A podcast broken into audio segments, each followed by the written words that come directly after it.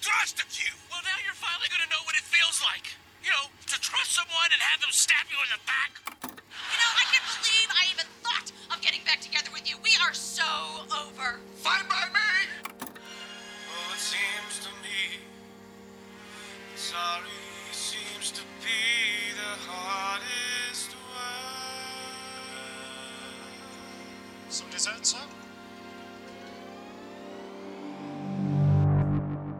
Burgers, ambtenaren, ambtenaren-burgers.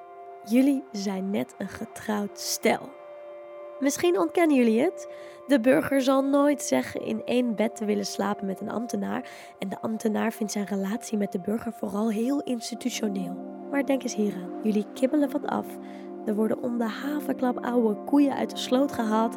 Er is dubbelzinnige communicatie. En er zijn vooral eindeloos opgestapelde emoties. En dat terwijl jullie levens zo vervlochten zijn op bijna ieder gebied.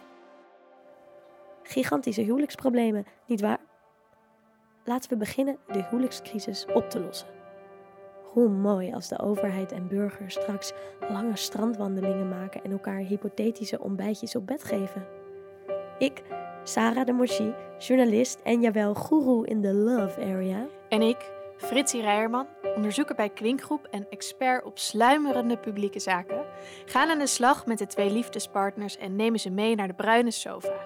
Dit is Liefdeslessen voor een ambtenaar. Lieve luisteraars, welkom bij aflevering 4 van Liefdeslessen voor een ambtenaar, de Marinierskazerne. In deze aflevering gaat het helemaal mis. Verwoesting is nabij. Vertrouwen is verdwenen. In Zeeland was dat het geval afgelopen jaar. Er zou een marinierskazerne komen naar Vlissingen. Burgers blij, overheid blij. Maar toen veranderde het ministerie van Defensie haar plannen en kwam die kazerne toch niet. De Zeeuwen en de Rijksoverheid konden niet meer door één deur.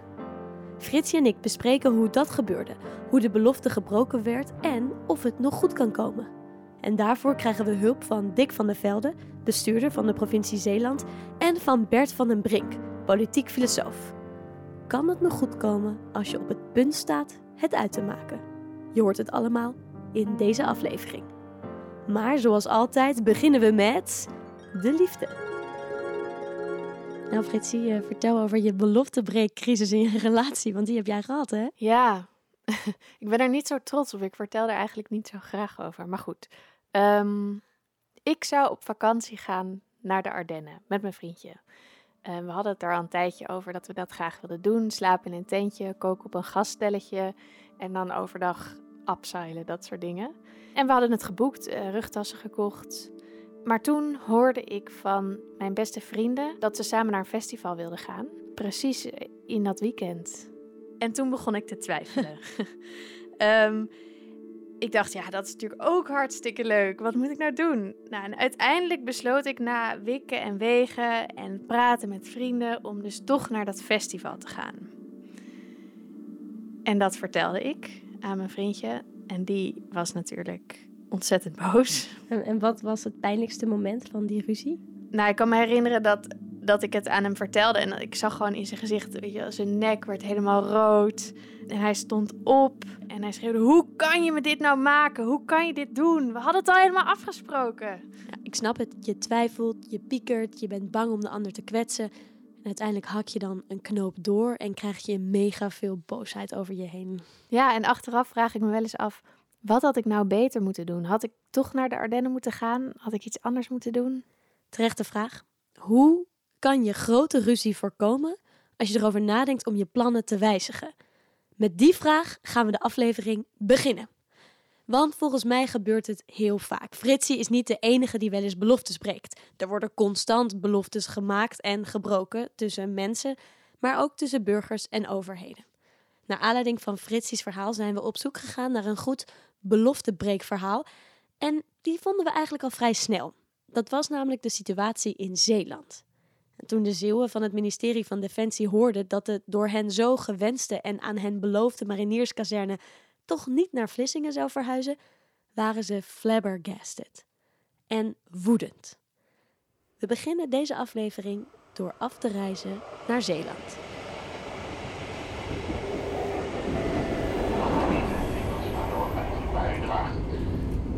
Natuurlijk ook glimlachen achter het mondkapje, ook al zien we dat hij het verweten dat hij er is. Dames en heren, jongens, meisjes, ik laat u nu met rust. Een fijne reis, helemaal op weg richting de Vlissingen.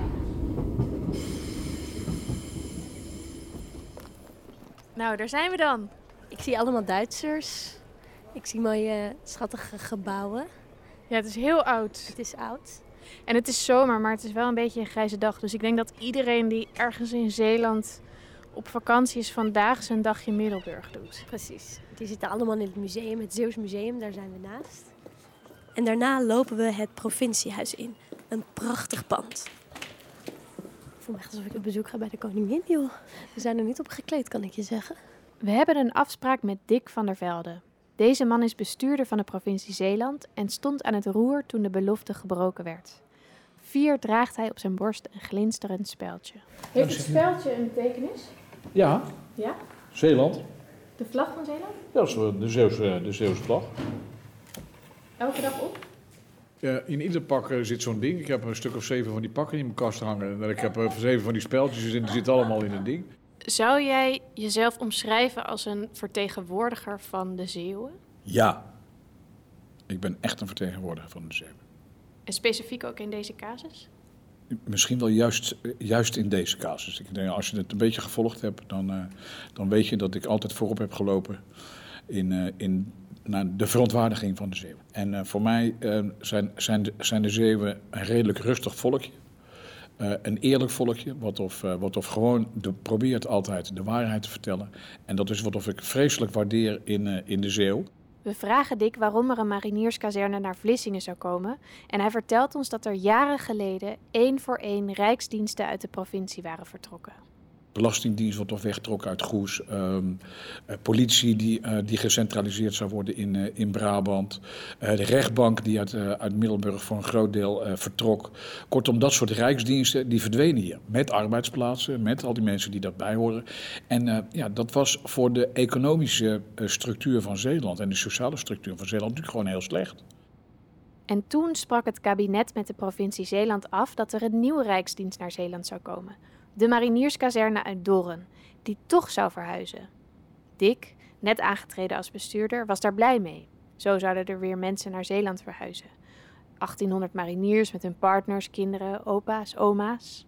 Toen ik hier 7 juni kwam, had ik zoiets van hartstikke leuk om dat in de portefeuille te hebben. We gaan het gewoon realiseren. Het gaat gewoon gebeuren. En we gaan, we gaan ervoor. Ja, dus u was hoopvol. Ja, Alles kwam goed. Tot het toch niet goed kwam. Een tijdje later, de dag des onheils. de datum da- die, die staat me niet meer zo goed bij. Maar het was hier, in deze, in deze zaal. En dat was het moment dat wij hier in deze zaal met een hele hoop pers erbij hoorden dat het feestje niet doorging. En wat ging er door je heen op dat moment? Ja, dat is eigenlijk lastig te beschrijven, want op, op, op het moment dat je dat hoort en, eh, en er staat zoveel pers bij.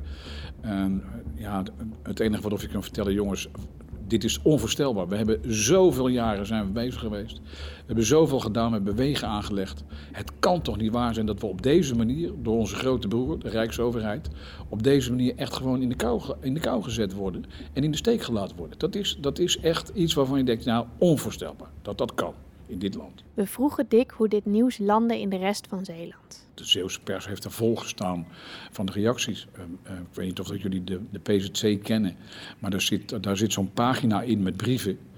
Dat heeft nog weken geduurd dat die pagina overheerst werd door mensen die iets vonden van, eh, van hoe dat is gegaan met, eh, met de mariniers. Ik heb mailtjes gekregen van mensen die zeiden, ja Dick, je bent echt terecht hartstikke boos. Wat er gebeurt hier? Na Dick's duidelijke verhaal lopen Sarah en ik door Middelburg. Zouden andere Zeeuwen net zo boos zijn als Dick? Wat vond u ervan, meneer?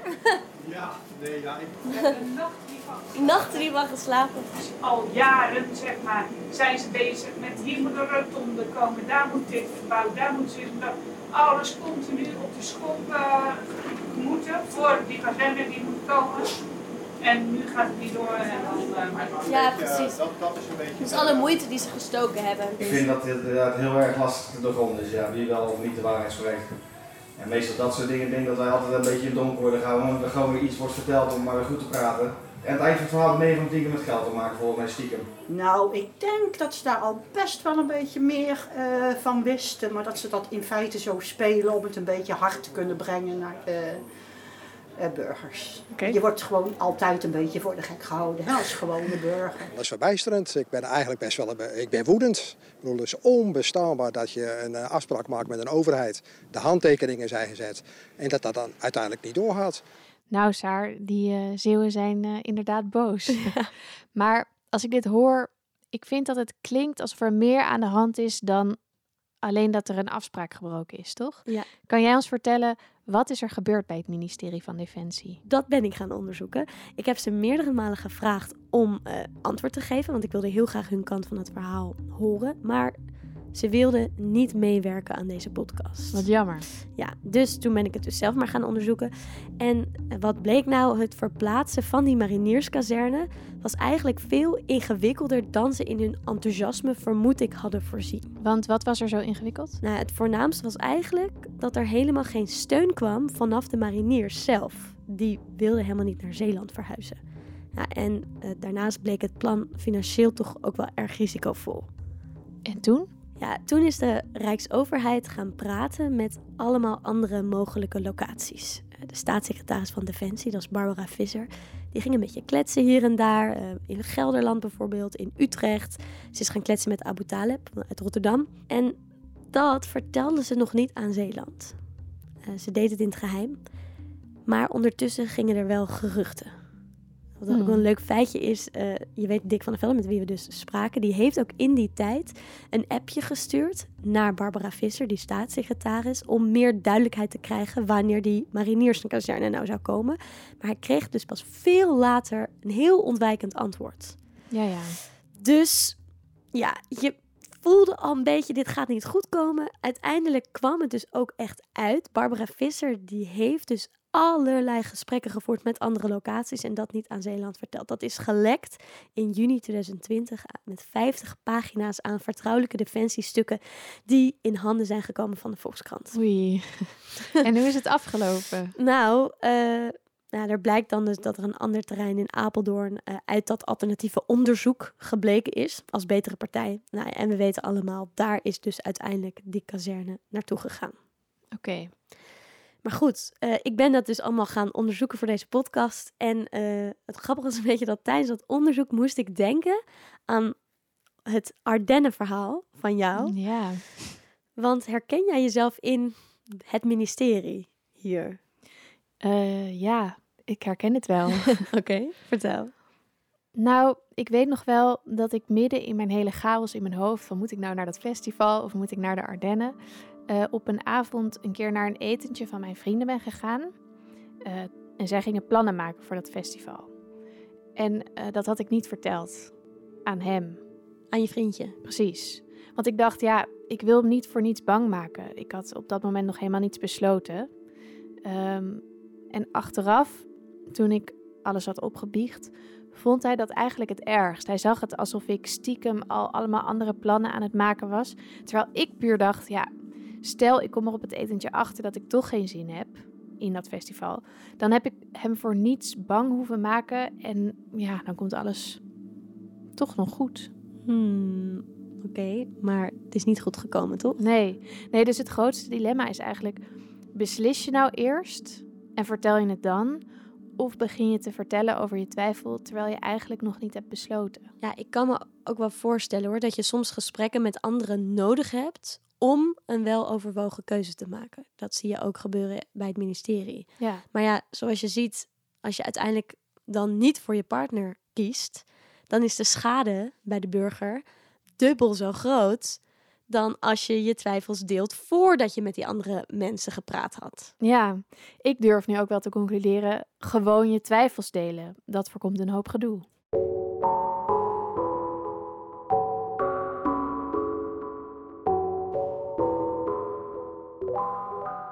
Deel 1 van de aflevering Hoe voorkom je enorme woede bij de ander hebben we dan nu hopelijk getackled. Twijfels delen. Maar we beginnen nu pas aan deel 2 van de aflevering. Kan het nog goed komen? Ja, en daarvoor gaan we terug naar de Zeeuwen. Want toen het ministerie van Defensie vertelde dat de marinierskazerne niet naar Zeeland zou komen, bleef Dick herhalen. Maar afspraak is afspraak. Afspraken hoor je niet te breken als je elkaar serieus neemt. En daarmee lukte het hem om het kabinet in beweging te brengen. Want zelfs minister-president Rutte zag op een gegeven moment dat het uit de hand was gelopen en besloot naar Zeeland af te reizen om in gesprek te gaan met de boze Zeeuwen. Hij hoopte dat het weer goed kon komen.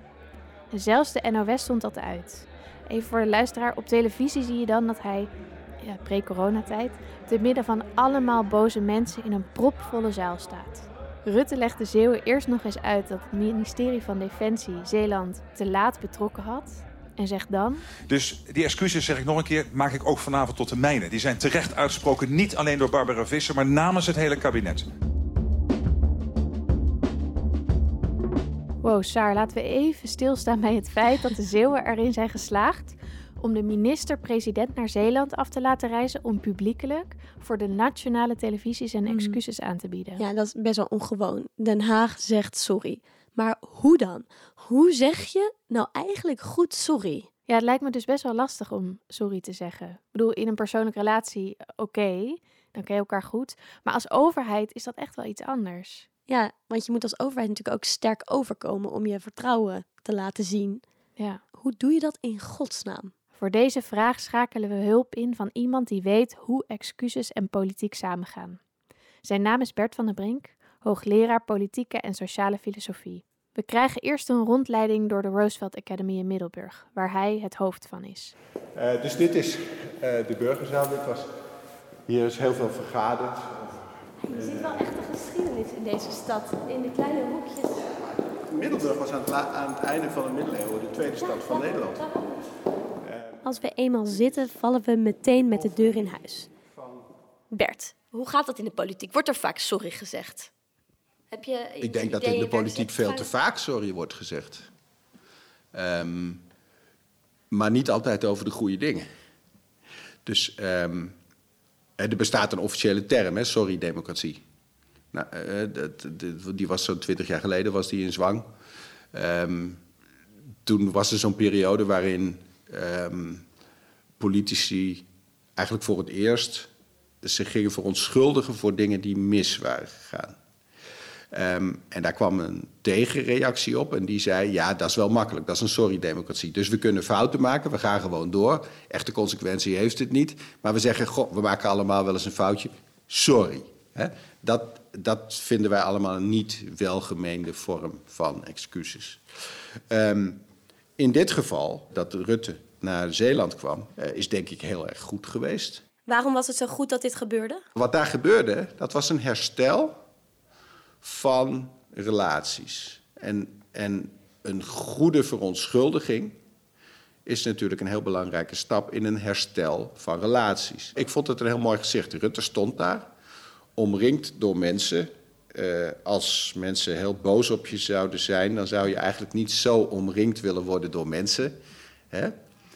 Um, maar het zag er respectvol uit. En dat was precies de boodschap die moest worden gezonden. Hè? Ik zeg, sorry, dit had niet zo moeten gaan.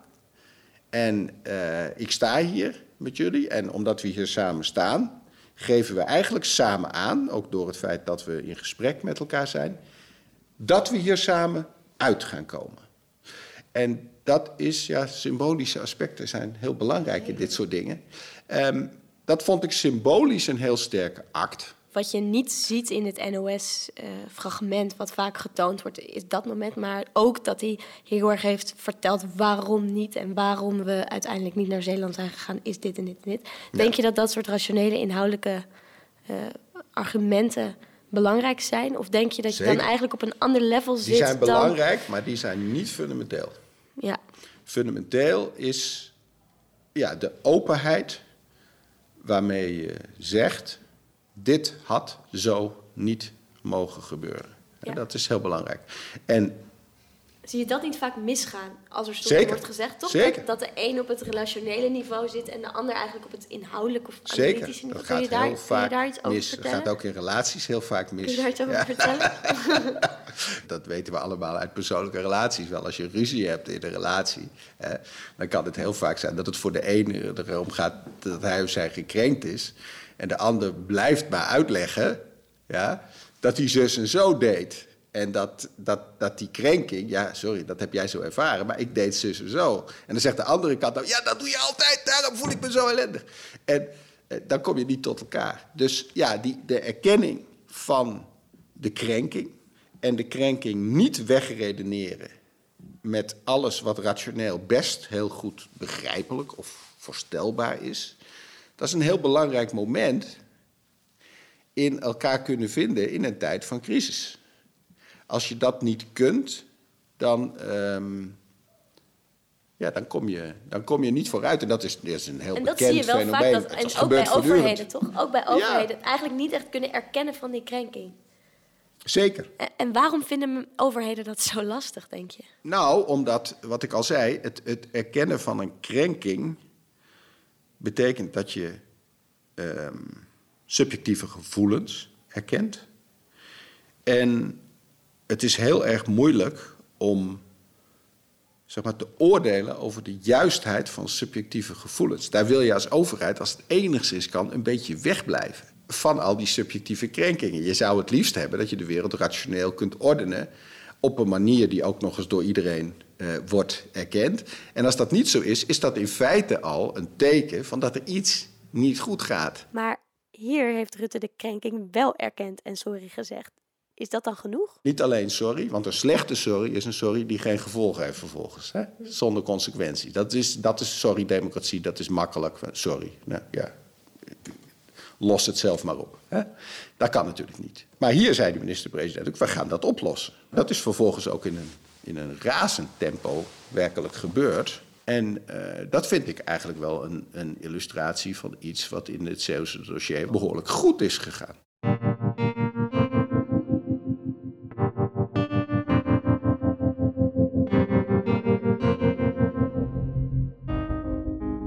Als we weer in ons thuisstudiootje zitten, praten Fritsje en ik na over ons gesprek met Bert van der Brink. Ja, wat mij is bijgebleven. eh, het is als overheid een spannend ding om sorry te Ja. zeggen. Maar als je het doet, erken dan de emotie van de ander en verbind gevolgen aan je sorry. Ja. Want een sorry zonder consequenties is niks waard. Ja, want dan kom je dus terecht in die sorry-democratie. Ja, precies. En ik vond het ook interessant dat Bert ons op het hart drukte dat er in Zeeland veel mis is gegaan, maar dat juist die sorry en die consequentie heel goed zijn gegaan. Ja, ik heb dus ook even opgezocht hoe de Rijksoverheid nou precies gevolg heeft gegeven aan die sorry. En dat is dus gebeurd met een compensatiepakket. Ik pak dat er heel eventjes bij. Oké, de gemaakte kosten worden vergoed. En er wordt heel veel geld geïnvesteerd in bijvoorbeeld de bereikbaarheid, de industrie en de haven van Zeeland. En Zeeland krijgt maar liefst 651,9 miljoen euro in de periode 2020 tot 2030. Echt Ja. veel. Ja, dat is inderdaad echt veel. En ook Dick van der Velde heeft ons uitgelegd waarom de excuses plus de consequentie, namelijk het compensatiepakket, volgens hem goed waren. We hebben het over liefdeslessen. en eh, iets, iets doen eh, thuis waarvan je weet eh, dat je partner dat niet leuk vindt, is een bloemetje niet goed. Nee. Het moet echt het idee hebben dat we dit gewoon oprecht laten zien dat het niet goed was en dat je oprecht spijt hebt. En, en dus moet je dat voelen. Het pakket is eh stevige bos blommen, om het eh, zo maar te zeggen. En we hebben een proces met elkaar doorgegaan waarbij bij mij heel duidelijk is geworden eh, dat ehm, de meeste politici het echt belangrijk vonden om dit tot een goed einde te brengen. En dat komt er weer wat van dat vertrouwen terug. hey Fritsie, hoe heb jij jouw ruzie nou eigenlijk opgelost? Jullie zijn nog steeds bij elkaar. Ik heb eigenlijk gewoon heel veel sorry gezegd. En, eh, en hem lief aangekeken en uiteindelijk een verzoenende knuffel gegeven.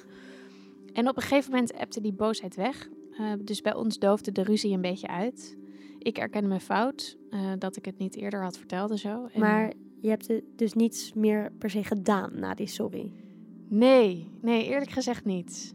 En als ik nu naar het compensatiepakket kijk, dan had ik hem eigenlijk op zijn minst moeten meenemen op een verrassingsreis. Of ehm, elke week een grote bos bloemen moeten geven. Nou, lieverd, het is nooit te laat. Lieve mensen. Trouwe luisteraars van de Liefdeslessen voor een ambtenaar podcast. Het is weer tijd voor onze liefdesles. Beste ambtenaren, we beginnen bij jullie. Heb het lef om kwetsbaar te zijn. Wees eerlijk. Deel je twijfels met je partner voordat je er met een ander over praat. Want het kan echt verkeerd uitpakken als je de ander daarin niet serieus genoeg neemt. En doe je toch iets fout? Zorg dan dat je oprechte excuses aanbiedt en dat je altijd een consequentie verbindt aan je excuus. Het excuus is immers slechts symbolisch en aan alleen maar woorden heeft je partner niets. En burgers, wees principieel. Maak je punt. Want je mag er toch van uitgaan dat je je partner kunt vertrouwen? Laat je niet verleiden tot het bijleggen van de ruzie in een te vroeg stadium. Pas als je het gevoel hebt dat de ander jouw krenking heeft erkend, ga je praten over alternatieven. Duidelijk? Duidelijk.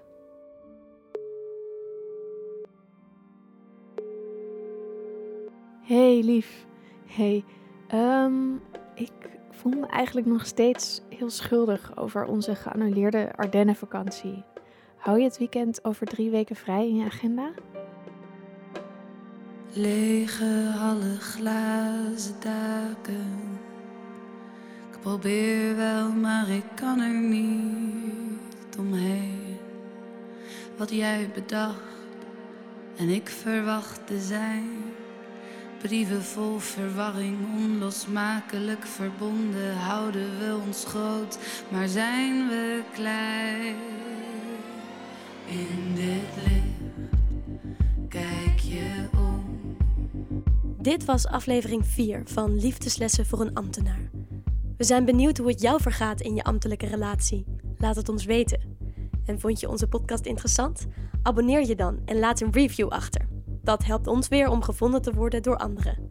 En vertel je medeburgers of mede-ambtenaren over ons bestaan. Deze podcast is tot stand gekomen met steun van onderzoeks- en adviesbureau voor maatschappelijke vraagstukken Kwinkgroep. Daar kan je terecht voor deze en andere ambtelijke liefdeslessen. Edit en mixage door Ellemieke Middelhof en Ruben Dekker. Muziek van Judith Rijsenbrei en illustratie door Aafke Bouwman. Wij zijn Sarah de Monchi en Fritsie Rijeman. Tot volgende week. Speelt de wind een liefdespel, steeds een stukje van me mee. Vuurtje door mijn aderen, als alle rivieren naar de zee. Naakter was ik nooit tevoren als je naar me kijkt. Ik hoef je niks te zeggen, want je kent al lang mijn spijt. In dit licht kijk je om naar die dagen. Alles leek te kunnen. Ik koester jou daarom wie ik was. Of dachten zij telkens weer een andere.